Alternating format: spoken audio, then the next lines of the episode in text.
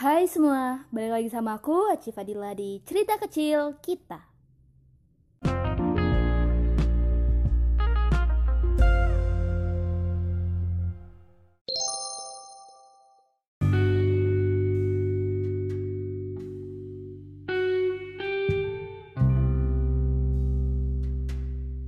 Hai semuanya, apa kabar?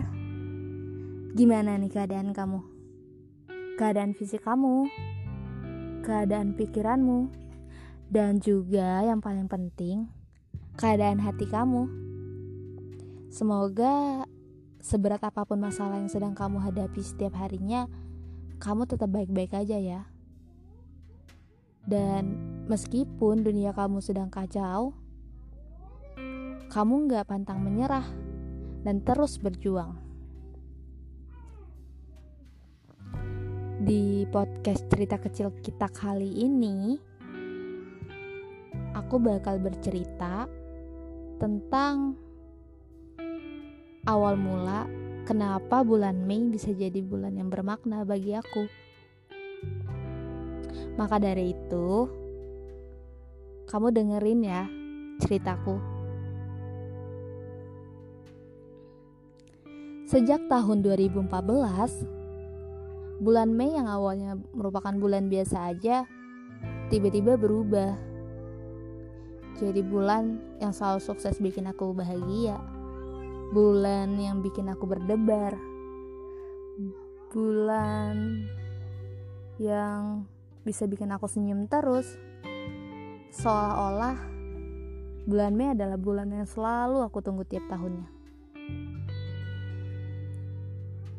Selain bulan September tentunya. Di tahun 2014, saat itu aku masih kelas 10 SMA.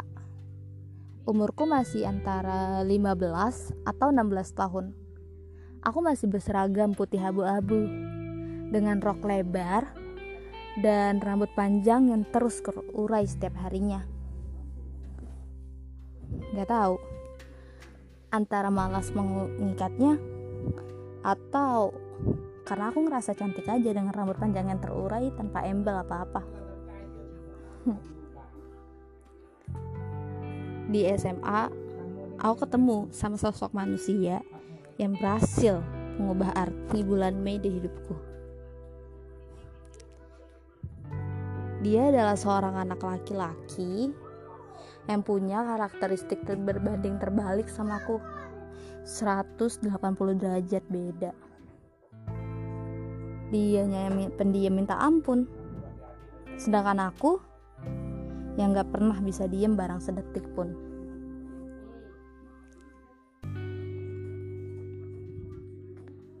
Dia adalah tipe manusia yang susah banget buat ngeluarin suaranya yang gak bakal bersuara kalau nggak ditanya. Bahkan ketika kita udah ngajak dia ngobrol dan nanyain ini itu dia cuma bakal jawab seadanya. Kita sekelas waktu itu. Aku duduk di bangku depan dan dia duduk di bangku paling belakang awalnya aku nggak pernah menyadari kehadiran dia di sekolah di kelas. Karena dia sependiam itu yang kehadirannya sulit dirasakan. Tapi lambat laun aku juga jadi penasaran kok bisa ya ada manusia yang sependiam dan sekalem itu? Sampai suatu hari aku dan jiwa kejailanku meronta-ronta. Tiba-tiba aku samperin meja dia dan duduk di depannya. Gak ngapa-ngapain, cuma duduk aja. Waktu itu dia lagi sibuk kerjain tugas fisika yang harusnya kita kumpul setelah jam istirahat. Tapi dia belum nyelesainnya. Aku nggak tahu antara uh, waktu itu dia sengaja mengabaikan aku atau karena dia memang nggak nyadarin kehadiran aku di depannya. Seolah-olah aku memang nggak ada. Akhirnya karena kejahilanku aku mengambil buku fisika yang sedang dia tulis. Dan kutuliskan nomor HP ku di bukunya. Dia langsung tampak kebingungan sih.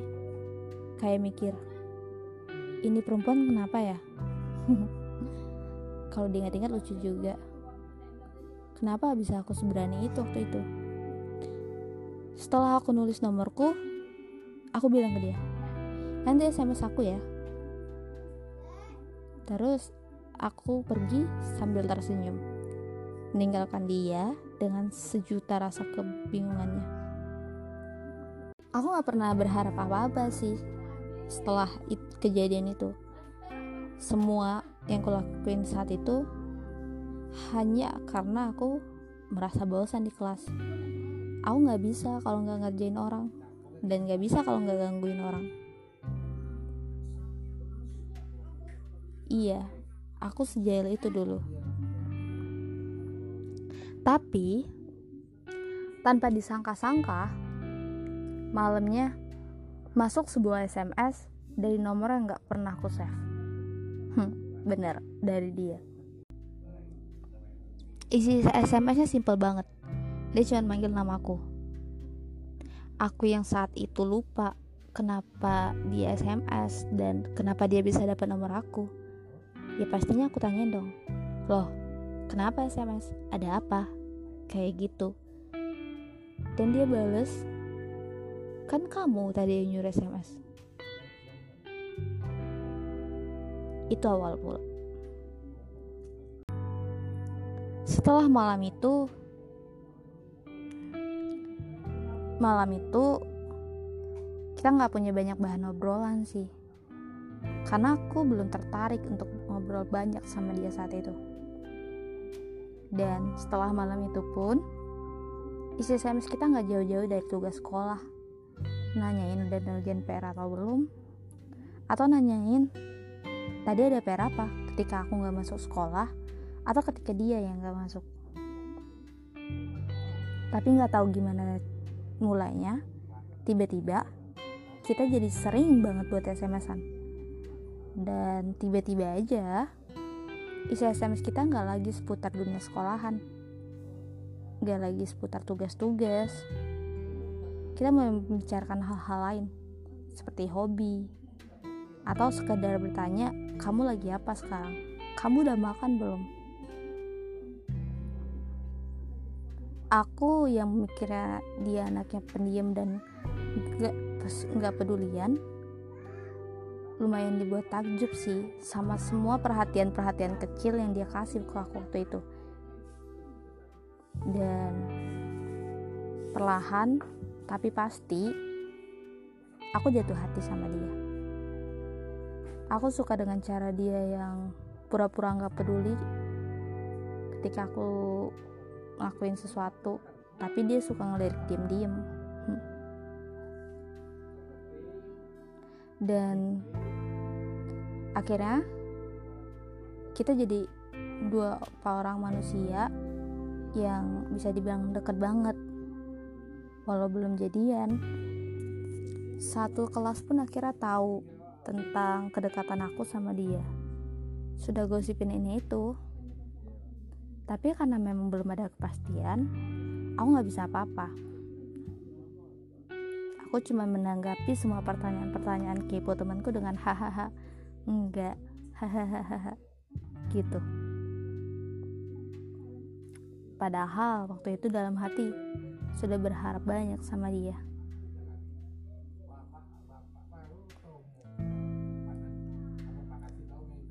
Kita dekat sekitar tiga um, atau dua bulanan. Dekat doang. Sampai akhirnya di tanggal 20 bulan Mei 2014 aku berani untuk menanyakan duluan ini hubungan mau dibawa ke mana? Aku nanyain sebenarnya perasaan dia ke aku tuh gimana? Dan akhirnya malam itu dia mengungkapkan semuanya. Dia ngomong soal perasaan dia ke aku. Dan dia juga mengajak aku untuk menjalin hubungan pacaran.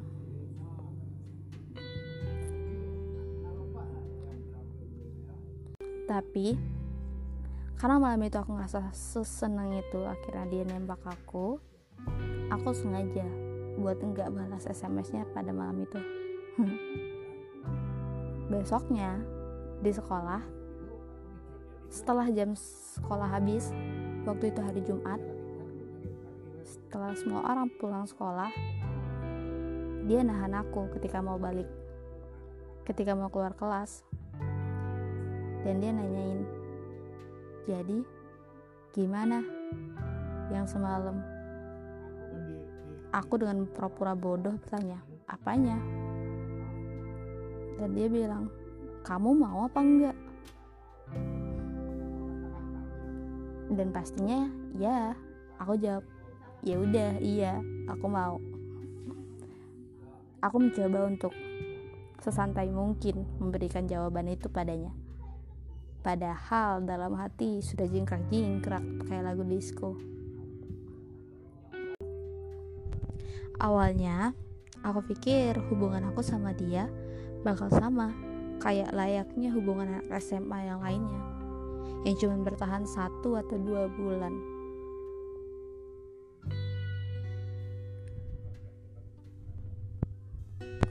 Akhirnya, tanggal 21 bulan Mei 2014, kita resmi jadian. Hari terasa berbunga banget saat itu. Dan semuanya jadi lebih indah setelah itu. Di awal-awal masa kita pacaran sama kayak pasangan-pasangan muda pada saat itu kita suka memperingati hari jadi kita tanggal jadi kita gitu. Tiap tanggal 21 tiap bulan dia pasti pasti selalu kasih aku coklat dengan isi surat-surat romantis di dalamnya yang sampai sekarang Surat dan kotak-kotaknya masih aku simpen. Totalnya ada 12. Satu tahun.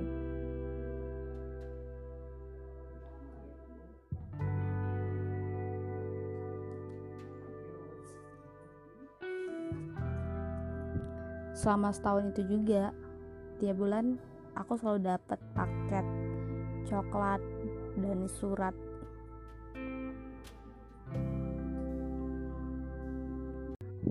Aku juga nggak tahu sih kenapa sampai sekarang aku masih nyimpen semua hal itu. Kotak coklat dan surat-surat. Gak cuman itu, hampir semua barang-barang yang pernah dia kasih ke aku atau dia buat buat aku masih aku simpen.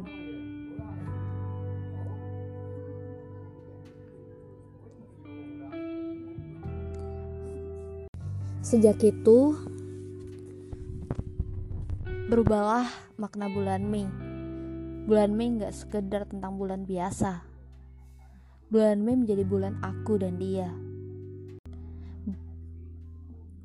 Bulan di mana akhirnya aku dan dia resmi pacaran, menjalin hubungan, menjadi dua insan yang paling bahagia saat itu. Satu tahun dua tahun semuanya baik-baik saja. Ya adalah sedikit permasalahan besar kecil, tapi itu untuk nggak kunjung bikin kita pisah. Nggak sedikit juga banyak orang yang datang buat sekedar mengganggu kita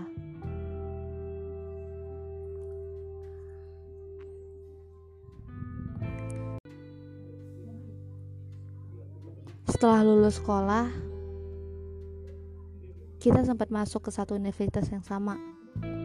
Tapi karena satu dan lain hal masalah pribadi dia kira dia memutuskan untuk pindah kampus dan akhirnya kita pisah.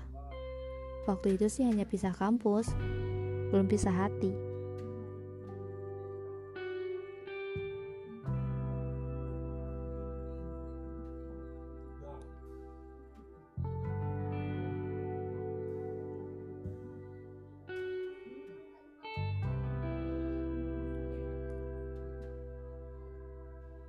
hubungan kita akhirnya berjalan selama kurang lebih 4 tahun 8 bulan. Menurutku itu waktu yang cukup lama. Gak sedikit. Aku menghabiskan masa remaja aku sama dia. Aku menghabiskan fase di mana aku berubah dari seorang remaja menjadi seorang wanita dewasa yang berkepala dua bersama dia merayakan tiap ulang tahunku selama empat tahun itu bersama dia. Dan selama empat tahun itu juga. Bulan Mei menjadi bulan yang membahagiakan. Tapi kini enggak lagi. Sudah tidak ada lagi kebahagiaan tiap bulan Mei datang. Sudah tidak ada lagi rasa berdebar tiap bulan Mei akan datang. Sejak tahun kemarin di mana akhirnya kita memutuskan pisah dua tahun yang lalu. Aku masih terus mengingat dia tiap bulan Mei.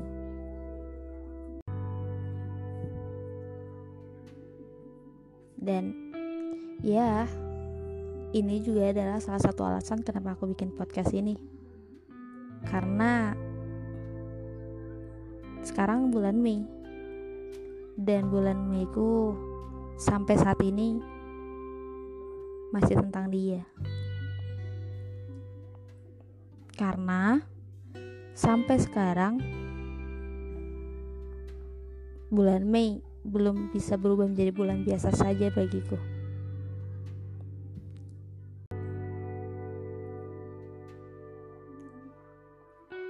Tujuan aku bikin podcast ini Bukan karena aku masih belum move on. Bukan karena aku belum rela kita pisah. Aku hanya rindu. Seketika, aku kembali teringat bagaimana bulan Mei menjadi bulan yang bermakna.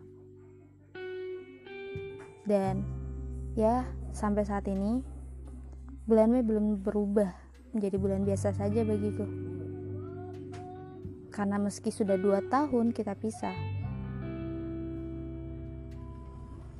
aku masih sering rindu. Dan itu adalah alasan aku menceritakan ini di podcast hanya karena aku rindu. Bukan berarti aku ingin balik sama dia, tapi cuma sesimpel aku rindu. Gak apa-apa kan aku rindu? Ya, itu aja sih ceritanya. Cerita bagaimana bulan Mei menjadi bulan yang bermakna. Cerita awal mulanya kami. Dan bagaimana kami berpisah, mungkin bakal aku ceritain lain waktu ya. Tapi nggak sekarang.